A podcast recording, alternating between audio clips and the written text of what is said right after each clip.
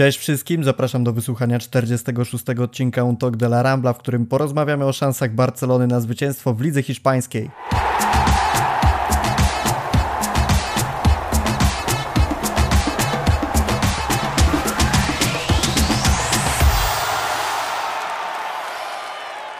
Cześć wszystkim raz jeszcze, jest dzisiaj ze mną Maciek Łoś, siemanko. Cześć, witam wszystkich. Mieliśmy się spotkać dzisiaj w dużo lepszych nastrojach. Nagrywamy ten podcast na świeżo po tym, jak zakończył się mecz Barcelony z Granadą. Miało być świętowanie, miały być trzy punkty i objęcie pierwszej pozycji w tabeli Ligi Hiszpańskiej, natomiast przegrana 1-2 daje nam okrągłe 0 punktów. Pierwsze pytanie, jakie miałem zadać Ci, Maciek, to jak podobał Ci się mecz, natomiast w tej sytuacji myślę, że pokuszę się o zadanie innego pytania, to znaczy, co się stało, że się tak wydarzyło, że mamy 0 punktów po tym spotkaniu. No ja myślę, że winna jest tylko y, sama sobie Barcelona, zarówno zawodnicy i, i Ronald Kuman y, chyba y, nie przygotowali się dobrze, dobrze do tego meczu, bo stracili niepowtarzalną szansę na, na wyjście na prowadzenie, prowadzenie w La Lidze. Pierwsza połowa wyglądała, no co prawda, naprawdę dobrze i gra nie była zła, można było wyróżnić kilku zawodników, też szybko, szybko strzeliliśmy bramkę ale w drugiej połowie nie było, nie było już chyba chęci na, na strzelenie drugiego gola. Barcelona trochę się cackała e, z przeciwnikiem, trochę, trochę tutaj grała tak jakby na alibi, nie było, nie stwarzała sobie za wielu sytuacji. Chciała chyba dokończyć, dokończyć mecz z jak najmniejszymi stratami w siłach, no i okazało się, co się okazało. Granada wielu sytuacji nie miała, ale te, które sobie stworzyła, wykorzystała i, i moim zdaniem zasłużyła na to zwycięstwo, bo Barcelona sama jest sobie winna tego, co się stało. Trochę rzeczywiście tak to wyglądało, jakby po tej bramce na 1-0 Barsa zdecydowała, że po prostu dowiezie ten wynik do końca i świadoma pewna tego, że, że po prostu te trzy punkty wylądują na koncie dumy Katalonii. Czy możemy mieć pretensje do Ronalda Kumana za to, jak e, zdecydował się skonstruować dzisiaj wyjściową jedenastkę? Widzieliśmy, że za Serginio Desta został wpuszczony na boisko e, Roberto. W pierwszym składzie pojawił się też Umtiti. Za Pedriego był Eli Moriba i to chyba, jak dobrze kojarzę, były jedyne takie zmiany drastyczne. Z jednej strony mówimy o tym, że przemęczony jest Pedri, że te rotacje są konieczne, a z drugiej strony, kiedy jesteśmy na takim etapie sezonu, że każdy mecz to tak naprawdę mistrzostwo i, i każdy mecz może zadecydować o końcowym sukcesie bądź porażce, nie sądzisz, że eksperymentowanie czy dawanie odpoczynku w takim momencie jest czymś niepoprawnym? Tym bardziej, że sam Ronald Kuman mówił, że jakby z jednej strony rozumie potrzebę odpoczynku, ale z drugiej w meczach o taką stawkę powinni grać najlepsi. No z jednej strony tak, a, a z drugiej patrzmy też na to, co czeka Barcelonę w następnych tygodniach, no bo Granada e, wydawała się najprostszym przeciwnikiem, i chyba to był właśnie moment, kiedy te rotacje mogły zostać wprowadzone, bo mecz był grany w środku tygodnia, parę dni tylko do spotkania z Walencją, które wydaje mi się, że jednak, jednak Walencja na papierze jest silniejszą drużyną od Granady, mimo tego, że nie pokazuje tego w, w tym sezonie to jednak Granada też przyjechała na to, na to spotkanie na, na Camp Nou z, z wieloma brakami kadrowymi. Także no, ciężko, ciężko powiedzieć. No, trener ma takie zadanie, jakie ma. No, on musi ryzykować i musi mieć jakiś, jakiś plan w głowie. No, wystawił, wystawił tych zawodników, a nie innych. Nie wiem, bardziej mi chodzi o to też, y, jakie, jakie zmiany później, później przyszły w trakcie meczu, no bo Kuman czasami ma tak, że y, wydaje mi się, że te zmiany nie wnoszą zbyt wiele do przebiegu gry drużyny i mamy problemy właśnie w właśnie w takich, w takich sytuacjach, kiedy, kiedy nie idzie i ci zmiennicy też, e, też za, wiele, za wiele nie dają. No i w tym momencie mm, też to było widać. No, Usman Dembele wszedł, pobiegał, trochę, trochę tam e, z piłką po, poszarpał, ale co z tego? Tak naprawdę nic nie zrobił. E, Pedri, no nie wiem, no ciężko, ciężko tutaj, tutaj powiedzieć, no starał się robić to co, to, co umie najlepiej, on nie jest od strzelania goli czy atakowania. Trinkao wszedł na samą końcówkę, też ciężko, ciężko go tam oceniać. No, ogólnie, ogólnie wydaje mi się, że bardziej zawiedli zawodnicy niż, niż sam Ronald Kuman, ale no cóż, chyba wszyscy biorą odpowiedzialność za, za tą porażkę, również trener. Ja mam takie wrażenie, że Kuman tymi e, zmianami, kiedy jest gdzieś 80 minuta i wpuszcza Trinkao, to już jest takie po prostu ostatnia deska ratunku, a, a może rzeczywiście Portugalczykowi uda się w końcu kiwnąć kogoś, zejść na lewą nogę i kropnąć z daleka, może wpadnie tak bodajże z Realem Betis to się udało, kiedy Barca wygrała 3-2, gdzie on tam w ostatnich minutach meczu rzeczywiście na taki strzał się decydował i chyba Kuman liczył, że po prostu teraz uda się to powtórzyć. Natomiast to, co mówisz, dla mnie, dla mnie zmiany Kumana przede wszystkim za późno, bo z jednej strony, ok, oszczędzajmy tego Pedriego jak tylko można, oczywiście, że tak, ale w momencie, kiedy drużynie ewidentnie nie idzie, brakuje jakiegoś ognia, po co czekać tak naprawdę? Czy on go by wpuścił na ostatnie 20 minut, 30 czy 40? No nie sądzę, żeby to w takim momencie miało aż takie znaczenie i taką, taką istotę w kontekście walki o mistrzostwo, a być może zrobiłby coś więcej, bo szczerze mówiąc, ja też nie do końca rozumiem, może mnie poprawić, może widziałeś to trochę inaczej, ale troszeczkę nie rozumiałem zachwytów e, nad Moribą w tym meczu. Bo okej, okay, on jest młody, on każdym swoim zagraniem będzie gdzieś udowadniał swoją rolę i wartość na boisku, oczywiście, że tak, natomiast tak patrząc na przebieg tego spotkania, parę fajnych zagrań, ale specjalnie nic wielkiego nie zrobił i szczerze mówiąc, gdyby został zdjęty w przerwie, to moim zdaniem nic wielkiego by się tutaj nie stało, a szans na ogrywanie go jeszcze na pewno będzie sporo. Z drugiej strony jestem też świadomy, że Kuman ma ograniczone pole do popisu, jeżeli chodzi o kadrę, a co do Dembele, tak jak mówisz, szarpnął kilka razy, starał się co zrobić coś więcej niż jego koledzy przez ile tam, 70-80 minut meczu. Ja liczyłem na to, że rzeczywiście gdzieś prędzej czy później uda mu się wejść w pole karne i w jego stylu kopnie gdzieś w, w okolice okienka, czy gdziekolwiek indziej w stronę bramki i ta piłka wpadnie. No niestety tak się nie stało. Także co do Kumana, to ja mam tylko żal o to, że te zmiany tak późno. Zastanawiam się też, na ile przy bramkach możemy rozliczać Kumana za wyjściowy skład. To znaczy, czy gdyby tam była Raucho, czy gdyby inaczej ustawiony był Mingez, a nie na tym półprawym skrzydle, tylko przy 4-3-3 na tym normalnym prawym stoperze. No, możemy się nad tym wszystkim zastanawiać. Natomiast tak, no biorąc całościowo pod uwagę to wszystko, po prostu trudno wyróżnić kogoś tutaj w tej drużynie, kto się starał, kto zagrał dobry mecz. Może poza Busquetsem, który naprawdę te przeszywające podania, prostopadłe piłki do Messiego miał bardzo dobre. Co do Messiego, to chyba zgodzimy się, że nie zagrał wielkiego spotkania. No nie, Messi strzelił gola i na tym się jego udział w meczu tak naprawdę skończył, bo tak jak zwracają uwagę na to, jak atakował z piłką, to miał bardzo dużo strat, chyba więcej niż, niż y, w wielu, wielu meczach. Trochę, trochę przeszedł obok tej drugiej połowy, zdecydowanie było widać. Moim zdaniem Jordi Alba również zawiódł, bo, bo te jego rajdy były zupełnie bez werwy i bez, bez pomysłu, mm, takiego typowego dla, dla Jordiego Alby.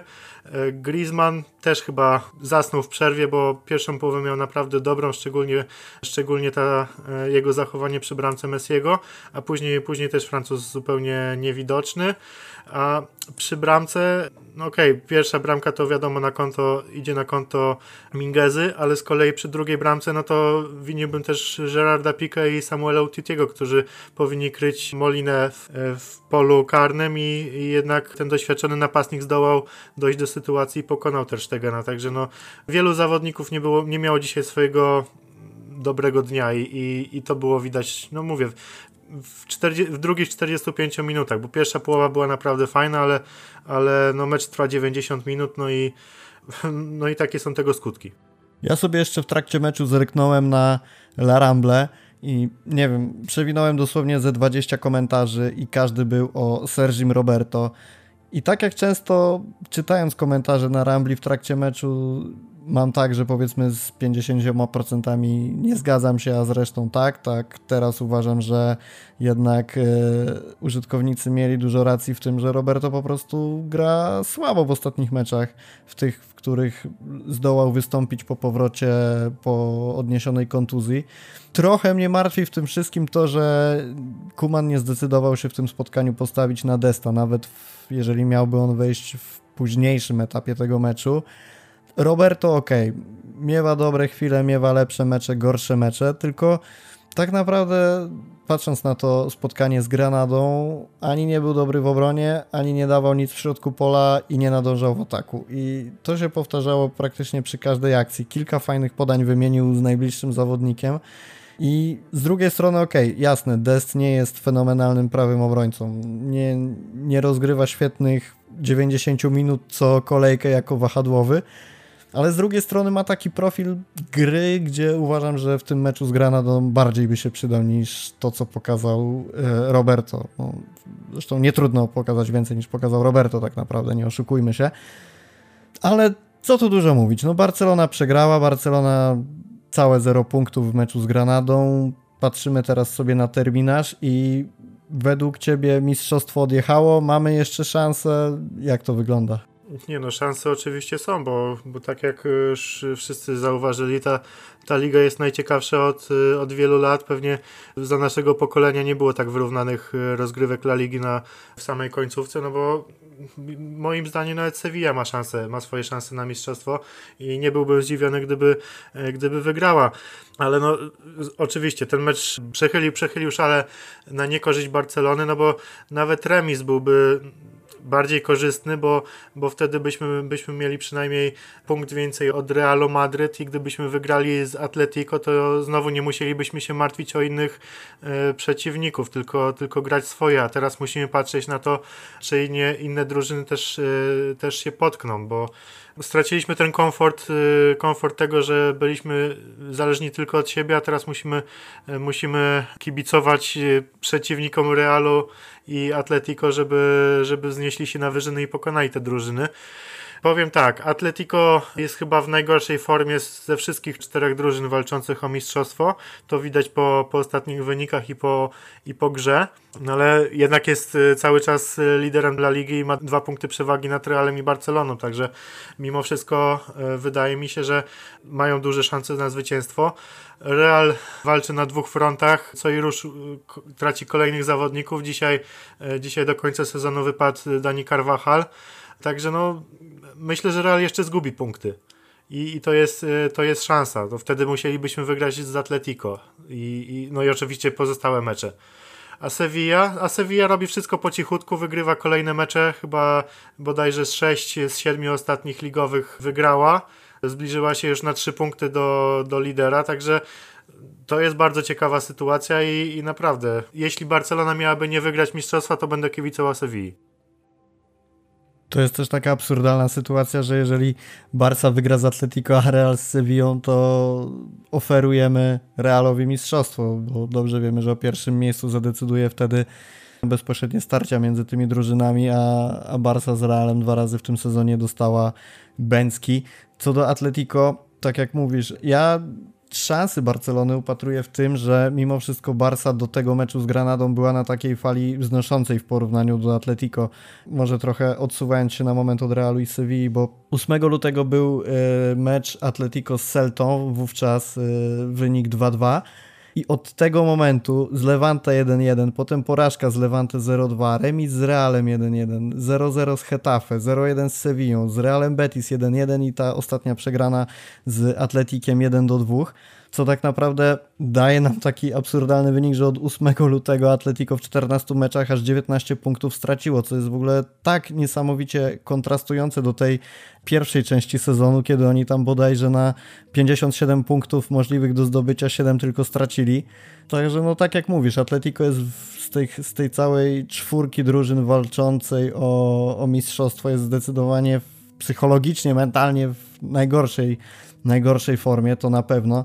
Też e, jak sobie spojrzymy na te ich ostatnie mecze, to, to ok, wygrali 5-0 z Eibarem czy, czy 2-0 z Łeską, tylko że to są drużyny, które na ten moment okupują 20 i 18 miejsce, więc e, w następnej kolejce mierzą się z Elcze, które jest bodajże 17 i tutaj raczej bym się nie spodziewał straty punktów, ale już w takim meczu jak z Realem Sociedad, kto wie, potem jest jeszcze Osasuna, tutaj też może się wydarzyć coś ciekawego. No, e, Atletico tak naprawdę kończy sezon z Realem Valladolid, które też w tym sezonie nie zachwyca i no jeżeli nie stanie się nic naprawdę katastrofalnego dla podopiecznych Simane, to nie spodziewałbym się, że, że tam punkty stracą, aczkolwiek no tak jak sobie rozmawiamy, to wszystko są gdzieś tam rozważania na podstawie tego, jak drużyny wyglądają trochę na papierze, a trochę jaką mają formę, także może się okazać, że, że i Valladolid urwie punkty Atletico. Co do Barsy, zastanawiam się jak podejść do tego meczu z Atletico, bo z jednej strony mamy tutaj te kwestie, że Barca ma nóż na gardle i walczy o mistrzostwo i tak naprawdę o to, żeby się gdzieś poniekąd myślę nie skompromitować, bo okej,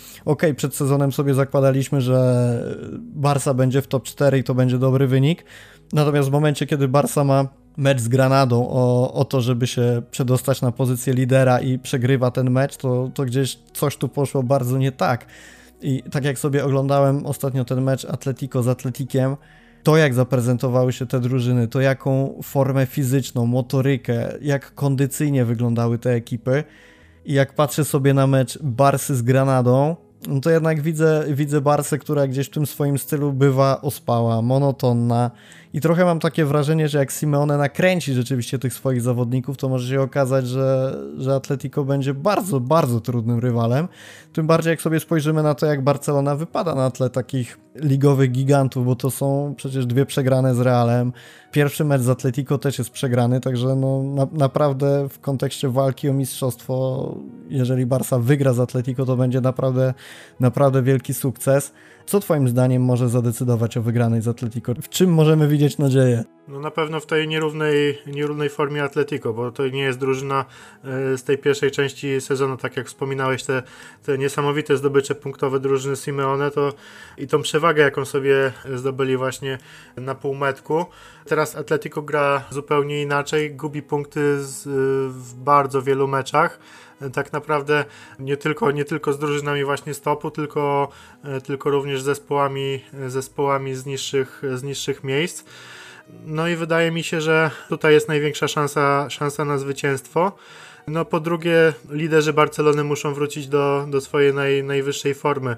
No Busquets dzisiaj zagrał dobrze, ale samym Busquetsem meczu się nie wygra, bo Sergio Busquets nie jest piłkarzem, który zdobywa bramki. Oczywiście może, może podać, podać dobrą piłkę, ale tą piłkę też trzeba umieć wykorzystać. A jeśli Griezmann będzie przechodził obok meczu, Messi będzie bez formy, a Dembele będzie też gdzieś kopał się po czole na skrzydle, no to, to niczego nie wygramy. Też y, ważna jest gra na przykład Frankiego de Jonga, który, który w ostatnich spotkaniach moim zdaniem był bardzo ważną postacią dla, dla zespołu. E, dzisiaj no też, też moim zdaniem zawiódł. Nie, nie pokazywał tego, co ostatnio.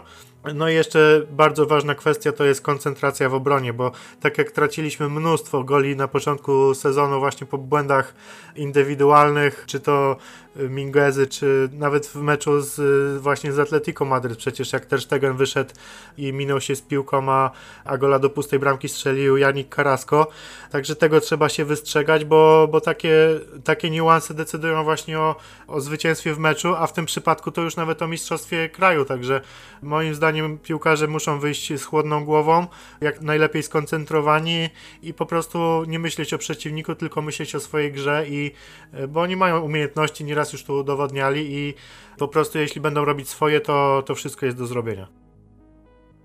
O tej głowie też pojawiało się dużo komentarzy na Rambli, e, głównie w kontekście Jordiego Alby.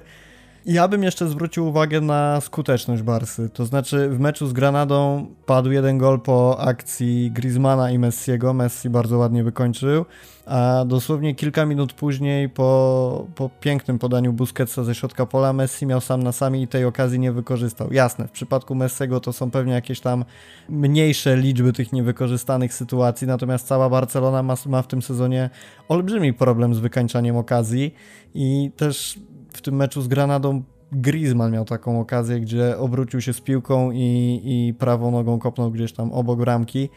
W meczu z Atletico podejrzewam, że tych sytuacji będzie dużo, dużo mniej. Tam, jeżeli to będą jedna, dwie, trzy na mecz, to wcale by mnie to nie zdziwiło, bo wiemy, jak dobrze potrafi Simeone ustawić obronę. W sytuacji, kiedy Barca będzie tak notorycznie marnować te okazje, to podejrzewam, że to się po prostu zemści jedna, druga kontra tak naprawdę Barca w obronie wcale nie jest super pewna. Jeden szybki gol, wiemy, że Atletico potrafi bronić wyniku i, i może zrobić olbrzymi problem. Ja bym jeszcze zwrócił uwagę na to, co ty powiedziałeś w kontekście Frankiego. Bardzo ważny zawodnik w tym sezonie. Też w meczu z Granadą go zabrakło. Ale chciałbym cię też zapytać o jedną rzecz, to znaczy, czy nie obawiasz się tego, że przed meczem z Atletico ci piłkarze się po prostu wykartkują, bo mamy mecz z Walencją, zagrożeni kartkami są Mingeza, Griezmann, Messi i właśnie Franki. Czy nie okaże się na przykład, że na mecz yy, prawdopodobnie jeden z najważniejszych, jak nie najważniejszy w tym sezonie, wyjdziemy osłabieni przez jakąś głupią żółtą kartkę. To prawda, a tym bardziej, że, że tak naprawdę teraz każdy mecz jest, jest niezwykle ważny. To nie tylko spotkanie z Atletico, tylko, tylko każda kolejna ligowa potyczka będzie, będzie decydująca. I jeżeli Barcelona potknie się w, w którymkolwiek z tych, z tych spotkań, to będzie mogła już zapomnieć o mistrzostwie a Walencja na pewno nie będzie łatwym przeciwnikiem, bo mimo tego, że zajmuje dopiero 14 miejsce w tabeli i jej forma jest bardzo słaba, to jednak zespół, który potrafił w tym sezonie wygrać 4-1 z Realem, e, czy zremisować e, z Barsą 2-2 na Camp Nou, także to będzie równie, równie trudne spotkanie moim zdaniem i, i nie można bagatelizować, e, bagatelizować tego zagrożenia, a wiadomo, w takich, w takich trudnych pojedynkach będzie dużo walki i niewykluczone, że ci piłkarze też, też czasem będą musieli zaryzykować, czy, czy właśnie jakimś faulem, czy, czy w innej sytuacji, czy głowa się zagrzeje i będą dyskutować niepotrzebnie sędziami, no różnie może być, także no też się tego obawiam, bo, bo wymieniłeś zawodników, którzy tak naprawdę są trzonem naszej drużyny i, i wypadnięcie któregokolwiek z nich może być bardzo bolesne, a tym bardziej Leo Messi jest zagrożony, a wiadomo, bez Messiego ta Barcelona no na pewno nie będzie tak silna jak, jak z nim na boisku. A gdzie w tej całej walce o ligę jest obecnie Real według Ciebie? Mówimy o, o Barcelonie, mówimy o Atletico, natomiast y, po klasyku Real miał, zresztą tak jak każda drużyna w pewnym momencie, autostradę po, te, po to mistrzostwo gdzieś okazuje się, że, że rozważamy Barsę jako pozycję lidera, mówimy o Barcelonie w kontekście meczu z Atletico. Gdzieś moim zdaniem trochę ta kwestia Realu przycichła. Przed chwilą widziałem taką ankietę na Twitterze i tutaj z kolei wyniki wskazywały na to, że aż 32% szans na wygrane mistrzostwo kibice przyznają Realowi, co też niejako pokazuje to, jak wyrównana jest ta liga, no bo z jednej strony Barca, Atletico, z drugiej Real, z trzeciej gdzieś tam jeszcze Sevilla e, podłącza się do walki o tytuł. Real w ostatnich tygodniach zmaga się z olbrzymimi problemami, jeżeli chodzi przede wszystkim o wyniki, natomiast powodem tych złych wyników są problemy kadrowe. Braku Ramosa w zasadzie nie ma co komentować nawet, bo to jest mózg, to jest y, filar obrony, największy moim zdaniem motywator, jeżeli chodzi o drużynę z Madrytu. Natomiast mimo tych wszystkich problemów, Real trzyma się w czołówce. Czy, czy Twoim zdaniem to, że, że mają przed sobą trudne mecze, no bo to jest i, i Sevilla, i Granada, z którą Barcelona dostała Bęcki, jest też Atletik, jest Villarreal, z Villarrealem Barcelona też się męczyła przez cały mecz tak naprawdę. Gdzieś to wszystko jeszcze wmiesza się mecz Ligi Mistrzów z Chelsea, który na pewno będzie bardzo ważny dla, dla ekipy Zidana.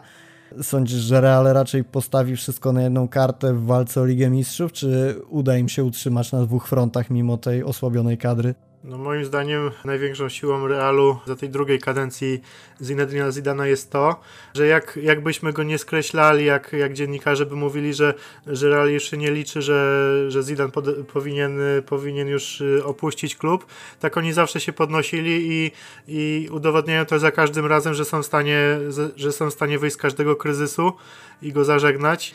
I moim zdaniem te kilka meczów y, oni są w stanie jeszcze zagrać na tym najwyższym poziomie, y, chociaż oczywiście to zmęczenie, zmęczenie i te braki kadrowe są bardzo duże i na pewno to nie będą łatwe, łatwe mecze dla Realu i też nie wykluczone, wykluczone jest, że, że będą gubić punkty, no bo rzeczywiście w ostatnich meczach w sumie chyba trzy remisy w ostatnim, w ostatnim czasie, to też nie jest, nie jest zbyt dobry wynik. No ale mimo wszystko Real walczy na dwóch frontach, może, może zdobyć jeszcze dwa trofea i ma bardzo doświadczonych zawodników, którzy cały czas są głodni sukcesów i no na pewno nie można skreślać tej drużyny, bo to są po prostu mistrzowie. Jakby na to nie patrzeć, jakby nie, nie mówić e, ze strony kibiców Barcelony, to tak, Real, Real jest zespołem, który jest na pewno niezwykle silną drużyną i oczywiście ma szansę na jedno i drugie trofeum. W ostatnich pięciu meczach, wiesz co, były cztery remisy, jak dobrze patrzę, bo to jest z Liverpoolem 0-0, z Hetafe 0-0, z Realem Betis 0-0 i z Chelsea 1-1. Także biorąc pod uwagę wszystkie rozgrywki, to tak to wyglądało. Tak, jed jeden gol w czterech meczach, też, też, to też jest ważne. Tak, tam jeszcze w kwietniu, 21 kwietnia był mecz z Cadiz i, i tam Real wygrał 3-0. No ale tak, biorąc pod uwagę rzeczywiście ten ostatni czas, to Real po prostu spisuje się słabo. Natomiast też nie ma się co dziwić, biorąc pod uwagę to, jak osłabiona jest ich kadra i, i to, jak poszczególni zawodnicy wypadają dzień czy dwa przed meczem. Zidane ma olbrzymie problemy kadrowe, zresztą jeżeli sobie spojrzymy na taką statystykę, która drużyna w lidze przeprowadza ile zmian, to okazuje się, że Real tych zmian ze wszystkich drużyn przeprowadza najmniej. To jest 117 zmian na przestrzeni całego sezonu. Przedostatnia jest Celta z wynikiem 119. No i to nie wynika z tego, że, że piłkarze spisują się znakomicie i po prostu zwycięskiego składu się nie zmienia, tylko jak Real jedzie na, na jakieś spotkanie z kadrą liczącą 15, 15 piłkarzy, no to trudno, żeby te zmiany były przeprowadzane regularnie i wykorzystywać ten limit w pełni. Ja mam ogromną nadzieję na to, że jeżeli nie Osasuna, to, to Sevilla urwie te punkty Realowi, najlepiej jakimś przyjemnym remisem, żeby tutaj y, żaden rywal Barcelony nie wzmocnił się w walce o mistrzostwo mecz, mecz z Chelsea na pewno moim zdaniem będzie decydujący, bo jeżeli okaże się, że to będzie trudne, wymagające 90 minut, to przy tej kadrze może się okazać to niezwykle kluczowe w, w meczu z Sevillą. Co prawda to jest mecz domowy, więc odpada jakieś tam mm, zmęczenie związane z wyjazdem, z podróżą i tak dalej.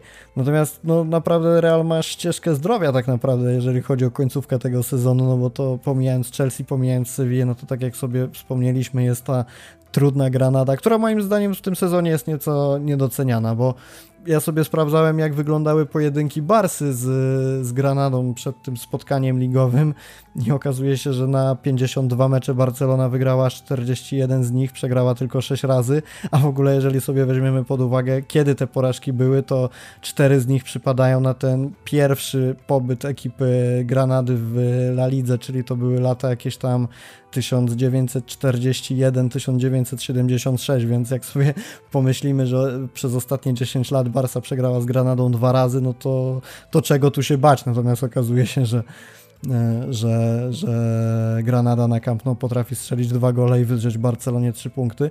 A wracając do Realu, e, potem jest jeszcze mecz z Atletikiem, który zawsze jest trudnym przeciwnikiem, tym bardziej e, w meczach wyjazdowych, a jak dobrze kojarzę, to Real mierzy się z nimi właśnie na San Mamés.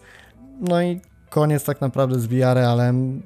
Zobaczymy, co tu się stanie. Czy w tym wszystkim możemy liczyć na to, że drużyna z Sewilli zaskoczy i być może to ona zdobędzie mistrzostwo, czy wydaje Ci się raczej, że to jest taka czwarta ekipa, która gdzieś będzie cały czas y, w ogonie tej, tej trójki i mimo wszystko zakończy poza podium, a jeżeli może nie poza podium, to na pewno nie na pierwszym miejscu, czy raczej możemy się spodziewać tego, że, że złoto powędruje do nich? No nie no, Sevilla ma bezsprzecznie najlepszą formę obecnie w La Lidze, bo wygrała 5 chyba, 5 z rzędu wygrała każdym razie, moim zdaniem te drużyny stopu będą gubić punkty. Na pewno zgubi ktoś punkty w starciu Atletico z Barcelony, być może nawet dwie drużyny, jeśli będzie remis. Sevilla wtedy, jeśli wygra, wygra z Realem, to może się zbliżyć na naprawdę na jeden punkt na przykład do, do Atletico, wtedy już wszystko jest możliwe. No i też nie wydaje mi się właśnie, że wszystkie drużyny zdobędą komplet punktów do, do końca sezonu w pozostałych meczach, bo dzisiejszy mecz to dobrze pokazał, że nawet, nawet właśnie te statystyki sprzed lat jak się okazuje, zupełnie nie grają roli, że, że Granada wygrała tylko te dwa mecze. Okazuje się, że mogła wygrać także dziś i dopisać sobie kolejne zwycięstwo. Także nie skreślam tutaj żadnej drużyny. Wszyscy mają szanse, może nie wszyscy mają równe szanse, bo jednak Atletico ma e, dwa punkty przewagi nad rywalami i wszystko na razie w rękach jest Los Colchoneros, ale tak jak mówię, wydaje mi się, że to będą jeszcze niespodzianki do końca sezonu. To w takim razie na zakończenie podcastu porozmawiajmy sobie jeszcze chwilę o tym, kogo Ronald Kuman powinien wystawiać w tych kolejnych spotkaniach. Trudno tutaj mówić o, o rozważaniu składu na wszystkie mecze, no bo tak, tak jak sobie rozmawiamy, ta sytuacja będzie się dynamicznie zmieniać, czy to pod wpływem układu tabeli, czy kontuzji, czy kartek ale takie najbliższe 1-2 mecze Kuman zaryzykował z Granadą, stawiając na Untintiego, Roberto i, i Moribe.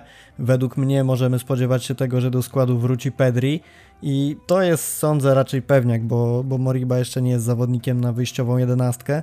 Ale co z tą obroną? Czy tam będzie czterech obrońców, czy tam będzie trzech, trzech stoperów i, i dwóch wahadłowych? Czy będzie to jakaś elastyczna hybryda? Czy to będzie Araujo, czy to będzie Mingeza, czy to będzie Pique, Umtiti, Longle? Kto na wahadle? Roberto czy, czy Dest? Jak uważasz, jak to powinien Kuman rozegrać? Moim zdaniem Kuman musi postawić na, na najsilniejszą drużynę już bez żadnych rotacji. E, przynajmniej w tych dwóch najbliższych meczach z Walencją i z Atletyką musi wejść, e, wyjść najsilniejsza jedenastka. E, I tak wydaje mi się, że Serginho Des jest w tej chwili lepszym wyborem niż, niż Sergi Roberto, mimo, mimo doświadczenia Hiszpana i tak naprawdę bardzo wielu lat gry w klubie. Mimo wszystko wydaje mi się, że młody Amerykanin daje, daje w tej chwili więcej w ataku i w obronie, no wiadomo, są, są pewne braki, ale, ale mimo wszystko wolałbym, wolałbym jego zobaczyć.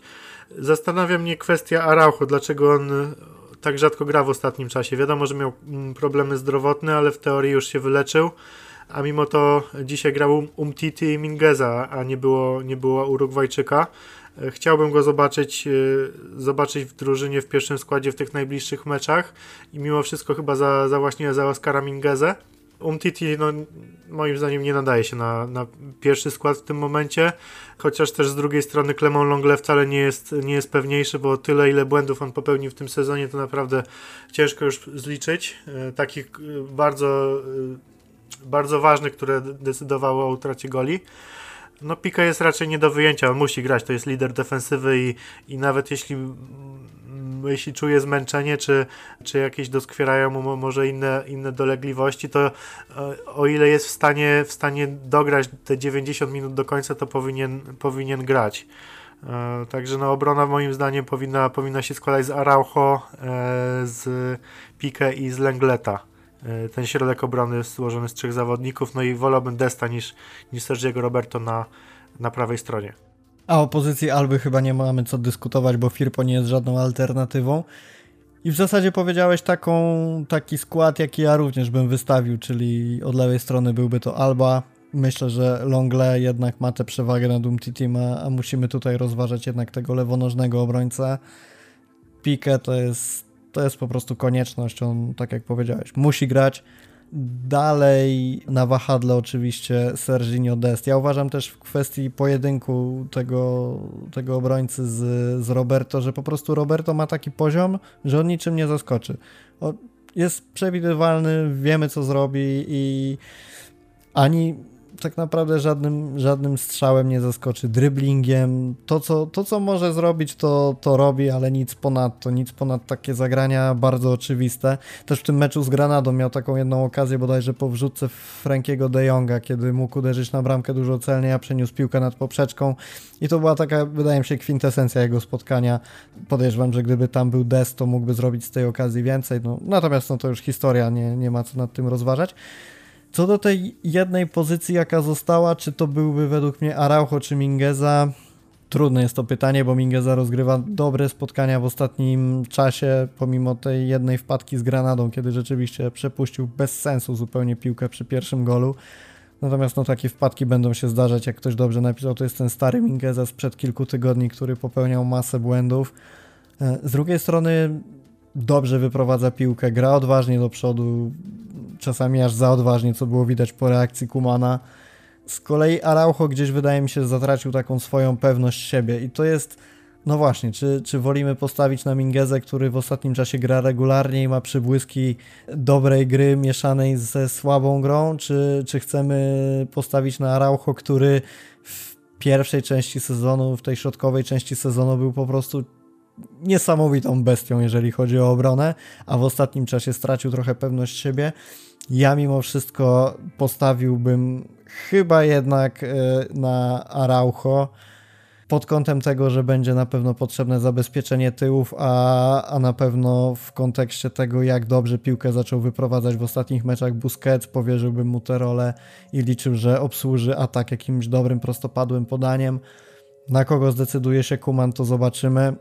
Słuchajcie, mamy, mamy już y, nagrane trochę materiału. Myślę, że możemy powoli kończyć. Wszystkim życzymy miłej majóweczki, żebyście odpoczęli od pracy, cieszyli się dłuższym weekendem i nie zamartwiali tym, że Barcelona straciła punkty. Podeszli do tego tak, że ciągle walczymy o mistrza i liczymy na to, że na koniec sezonu to my wzniesiemy Puchar Ligi. Jak będzie, to pokaże, pokażą najbliższe dni, to wszystko zweryfikuje boisko. My jako kibice trzymajmy kciuki. Żegnamy się z Wami. Był dzisiaj ze mną Maciek Łoś. Dziękuję, do usłyszenia. Do usłyszenia wszystkim. Hej, siemanko.